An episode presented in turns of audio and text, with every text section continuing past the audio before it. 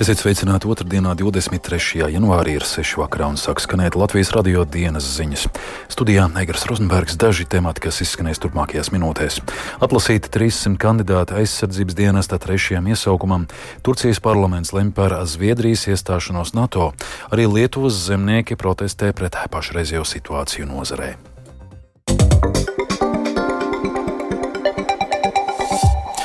Šodien būtiska diena ir 300 jauniešiem, kuri atlasīti valsts aizsardzības dienesta trešajam iesaukumam.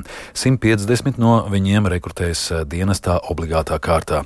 Līdz šim pietika ar tiem, kas brīvprātīgi pieteicās dienestam, tāpēc šāda atlase ar speciālu programmu pēc nejaušības principa izvēloties 18 līdz 19 gadus vecus jauniešus notiek pirmo reizi. Vairāk par atlases kārtību un to, kā jaunieši uzzinās par to, vai ir izvēlēti dienestam, Agnies Lāstiņas ierakstā.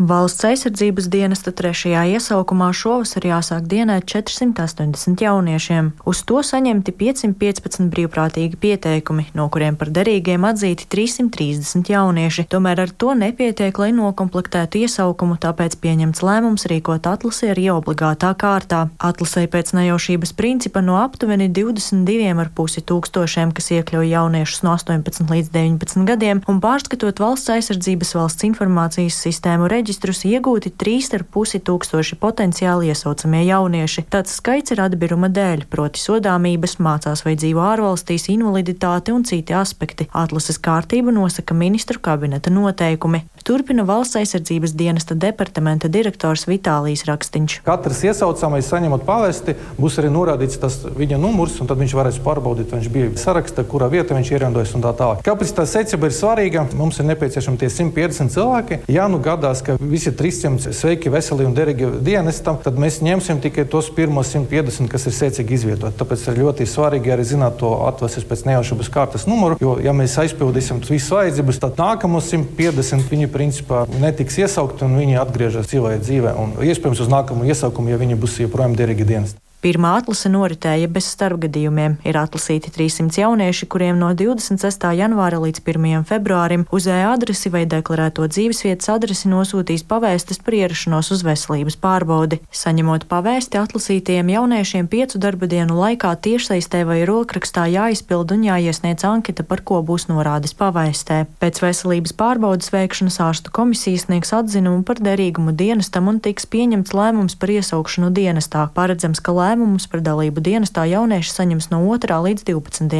aprīlim. Kā atzīst aizsardzības ministrs Andris Sprūts no partijas progresīvie, valsts aizsardzības dienests palīdz ne tikai valsti stiprināt, bet arī izglītot sabiedrību. Tas, protams, ir milzīgs ieguldījums sabiedrības drošībā un aizsardzībā. Tas ir no vienas puses jauniešu pienākums, bet tā ir arī privilēģija, un tas ir mūsu privilēģija, ka mums ir iespēja šos jauniešus arī iesaukt. Tāpat ministrs norāda, ka pastāvot liela iespējamība, ka arī nākamajos valsts aizsardzības dienas iesaukumos būs nepieciešams rīkot rīkot obligātu atlasi pēc nejaušības principa, jo, lai gan brīvprātīgo skaitam ir tendence pieaugt, tomēr Latvijas kaimiņu valstu pieredze liecina, ka vienlaikus ir jāveic arī atlase. Agnija Lazdiņa, Latvijas radio. Turcijas parlaments šodien pēc ilgas kavēšanās lem par Zviedrijas uzņemšanu NATO. Turcijas parlamenta zaļā gaisma nozīmē to, ka pēdējais šķērslis Zviedrijas uzņemšanā pasaules lielākajā militārajā aliansē būtu Ungārija, kuras parlaments par Zviedrijas uzņemšanu arī vēl nav balsojis. Plašāk stāstā Rihards Plūme. Kopš brīža, kad Zviedrija kopā ar Somiju oficiāli lūdza pievienošanos NATO, pagājuši jau aptuveni 20 mēneši. Somija pērn aprīlī kļuva par NATO dalībvalsti, bet Zviedrija savu kārtu gaida joprojām. Kamēr teju visi alianses locekļi iestāšanās protokolus ratificēja raiti, Turcija un Ungārija atrada iemeslus, lai to nedarītu. Sākumā Turcija apsūdzēja Zviedriju par pārāk iecietīgu attieksmi pret personām un grupām, kuras Ankara uzskata par draudiem tās drošībai vai 2016. gadā notikušā valsts apvērsuma mēģinājuma līdzdalībniekiem. Tāpat Turciju sadusmoja demonstrācijas Zviedrijā. Zviedrijā. Vienas no tām sarīkoja kurdu separātistu bruņotā grupējuma Kurdistānas strādnieku partija atbalstītāji, bet otrās tika dedzināts Korāns. Un, lai gan pagājušajā mēnesī Turcijas parlamenta ārlietu komiteja atbalstīja Zviedrijas lēmumu pievienoties NATO, Turcijas prezidents Reģeps Teips Erdogans publiski izvirzīja virkni jaunu prasību, tā izskaitā prasību, lai Vašingtona izpilda savu solījumu piegādāt Turcijai iznīcinātājus F-16. Amerikāņi vēl šomēnes norādīja, ka kongress varētu apstiprināt iznīcinātāju piegādi Ankarai, Iedrija tiks uzņemta NATO. Tiklīdz Turcijas parlaments iestāšanās protokolus būs ratificējis, Turcijas prezidents dažu dienu laikā parakstīs likumu, atstājot Ungāriju kā pēdējo un vienīgo dalībvalsti, kas nav apstiprinājusi Zviedrijas pievienošanos. Un kas notiks ar Ungāriju, pašlaik nav skaidrs. Ungārijas opozīcija ir spiedusi valdību ieplānot balsojumu parlamentā. Ungārijas sociālistu partija aicināja premjeru Viktoru Orbānu pārtraukt muļķīgo, kaitīgo un nevajadzīgo šarādi. Ungārijas parlamentā tagad gan ir pārtraukums līdz aptuveni februāra vidum. Par to, ka Ungārijas parlaments tomēr gatavojas ratificēt iestāšanās protokolus, varētu liecināt Ungārijas premjera uzaicinājums Budapeštā ierasties Zviedrijas premjeru Ulfu Kristersonu, lai runātu par Zviedrijas iestāšanos NATO. Nav gan skaidrs, kad tieši šīs sarunas varētu notikt. Rihards Plūme, Latvijas radio. NATO parakstīt vienošanās par simtiem tūkstošu artērijas lādiņu iegādi, lai ne tikai atjaunot alianses dalību valstu rezerves, bet daļu no tiem piegādāt Ukrainai. NATO atbalsta un iepirkuma aģentūra miljārdu eiro vērto darījumu noslēgusi Beļģijas, Spānijas un Lietuvas uzdevumā. Lādiņus ražos Francijas un Vācijas uzņēmumi, bet pirmās artērijas lādiņu piegādes paredzētas nākamā gada beigās. NATO ģenerālsekretārs Jens Stoltenbergs pēc vienošanās parakstīšanas paziņoja, ka tas veicinās Eiropas un Ukrainas aizsardzību. This demonstrates that NATO's uh, tried and tested structure for joint procurement is delivering. Tas apliecina, ka NATO izmēģinātā un pārbaudītā kopīgā iepirkuma struktūra ir efektīva. Krievijas karš Ukrainā ir kļuvis par kauju par munīciju, tāpēc ir svarīgi, lai sabiedrotie papildinātu savus krājumus, kamēr mēs turpinām atbalstīt Ukrainu. Munīcijas ražošanas apjomu palielināšana ir absolūta nepieciešamība, lai mēs varētu turpināt sniegt atbalstu Ukrainai, jo līdz šim mēs to ņēmām no saviem krājumiem krājumiem, bet ņemot vērā munīcijas patēriņu, ko redzam Ukrainā, un vajadzības, ko redzam, lai turpinātu sniegt atbalstu Ukrainai, mums ir jāpalielina ražošana, un tieši to dara NATO sabiedrotie. Kārtējā Krievijas raķešu uzbrukumā Ukrainas lielākajām pilsētām Kīvai un Harkivai nogalināti pieci cilvēki, vismaz 60 ievainoti. Cietušo un bojāgājušo skaits varētu pieaugt, jo ārā ir sals. Šī rīta uzbrukumā Krievija bez apkuras elektrības un ūdens atstājusi lielu daļu apdzīvoto teritoriju Harkivā. No Kīvas turpina Indra Sprānce. Uzbrukums atgādina to, ko pieredzējām jau gada nogalē un arī 2. janvārī, kad šeit Kīvā bija daudz bojā gājušo, arī cietušo. Šoreiz izdevās notriekt tikai pusi no visām raidītajām raķetēm, un postījumi lieli. Kīvā ir cietušas virkne dzīvojamās ēkas. Šobrīd zināms, ka uzbrukumā Kīvai nogalināts viens cilvēks, 21 cietis, viņu vidū arī 13 gadus vecs pusaudzis. Ļoti smagi postījumi nodarīti arī. Harkivai, un tur šobrīd joprojām turpinās glābšanas darbi. Šobrīd zināms, ka nogalināti četri cilvēki, bet 42 gūši ievainojumus, arī vairāki bērni. Lietuvas zemnieki šodien izgājuši Viļņas ielās, lai protestētu pret pašreizējo situāciju nozarē. Lauksaimnieki vēlas pievērst uzmanību arī būtiskām atšķirībām starp dzīves līmeni laukos un pilsētās. Sagaidāms, ka akcija turpināsies līdz piekdienai, un tajā piedalīsies līdz pat 2000 cilvēku ar aptuveni 850 traktoriem un citu tehniku. Līdzīgi protesta aizvadītajās dienās notikuši arī citvietā Eiropā. Par situāciju nozarē šodienā Briselē spriež arī Eiropas Savienības valstu lauksaimniecības ministri. Somijas valdības pārstāvis Sārija Eseja uzskata, uzskata, ka par, ka par spīti pašreizējai situācijai Ukrainas lauksaimniecības produktu nonākšanu Eiropā nevajadzētu ierobežot. No, we don't think that that would be the, the way out of the situation. It's very important. Nē, mēs nedomājam, ka tā būtu izēja no šīs situācijas. Ir ļoti svarīgi pasvītrot lielo solidaritātes joslu nozīmi. Šīm solidaritātes joslām ir jāpaliek atvērtām un jābūt pieejamām visiem lauksaimniecības produktiem. Ukrainai ir nepieciešami ienākumi no šī eksporta. Tas ir būtiski arī valstīm, kas gaida šos graudus. Mums ir arī jāsaprot, ka tā ir neglīta spēle, ko Krievija izspēlē ar pārtiku. Pieaugot lauksaimniecības sējumu platībām Latvijā, pieaug arī auga aizsardzības līdzekļu patēriņš. Taču Latvijā trūkst padziļinātu pētījumu par pesticīdu klātbūtni pazemes un virszemes ūdeņos tieši lauksaimniecības zemju tūmā, secina pētnieki. Bioloģiskās lauksaimniecības asociācija eh, aicina tikmēr pastiprināt pesticīdu lietošanas pārbaudas saimniecībās, bet zemkopības ministrijā uzskata, ka uzraudzība jau notiek pietiekamā apmērā. Par tematu šodien diskutējas Saimas vides apakškomisijā, kam līdzi sakoja Sintie Ambota. puntate.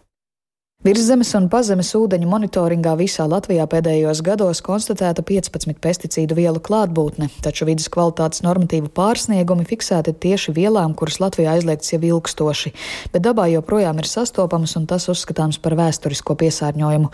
Savukārt no pat laban lauksaimniecības apritē esošām vielām virszemes ūdeņos lielākās koncentrācijās fiksēts alkonifēns un cipermetrīns, kam pētnieku ieskatā būtu jāpievērš uzmanība nākotnē. Saimas vides apakškomisijas deputāti deputāti iezīmēja, ka trūkst arī informācijas par pesticīdu vielu piesārņojumu avotiem, kā arī par ietekmi uz cilvēku veselību un vidi ilgtermiņā.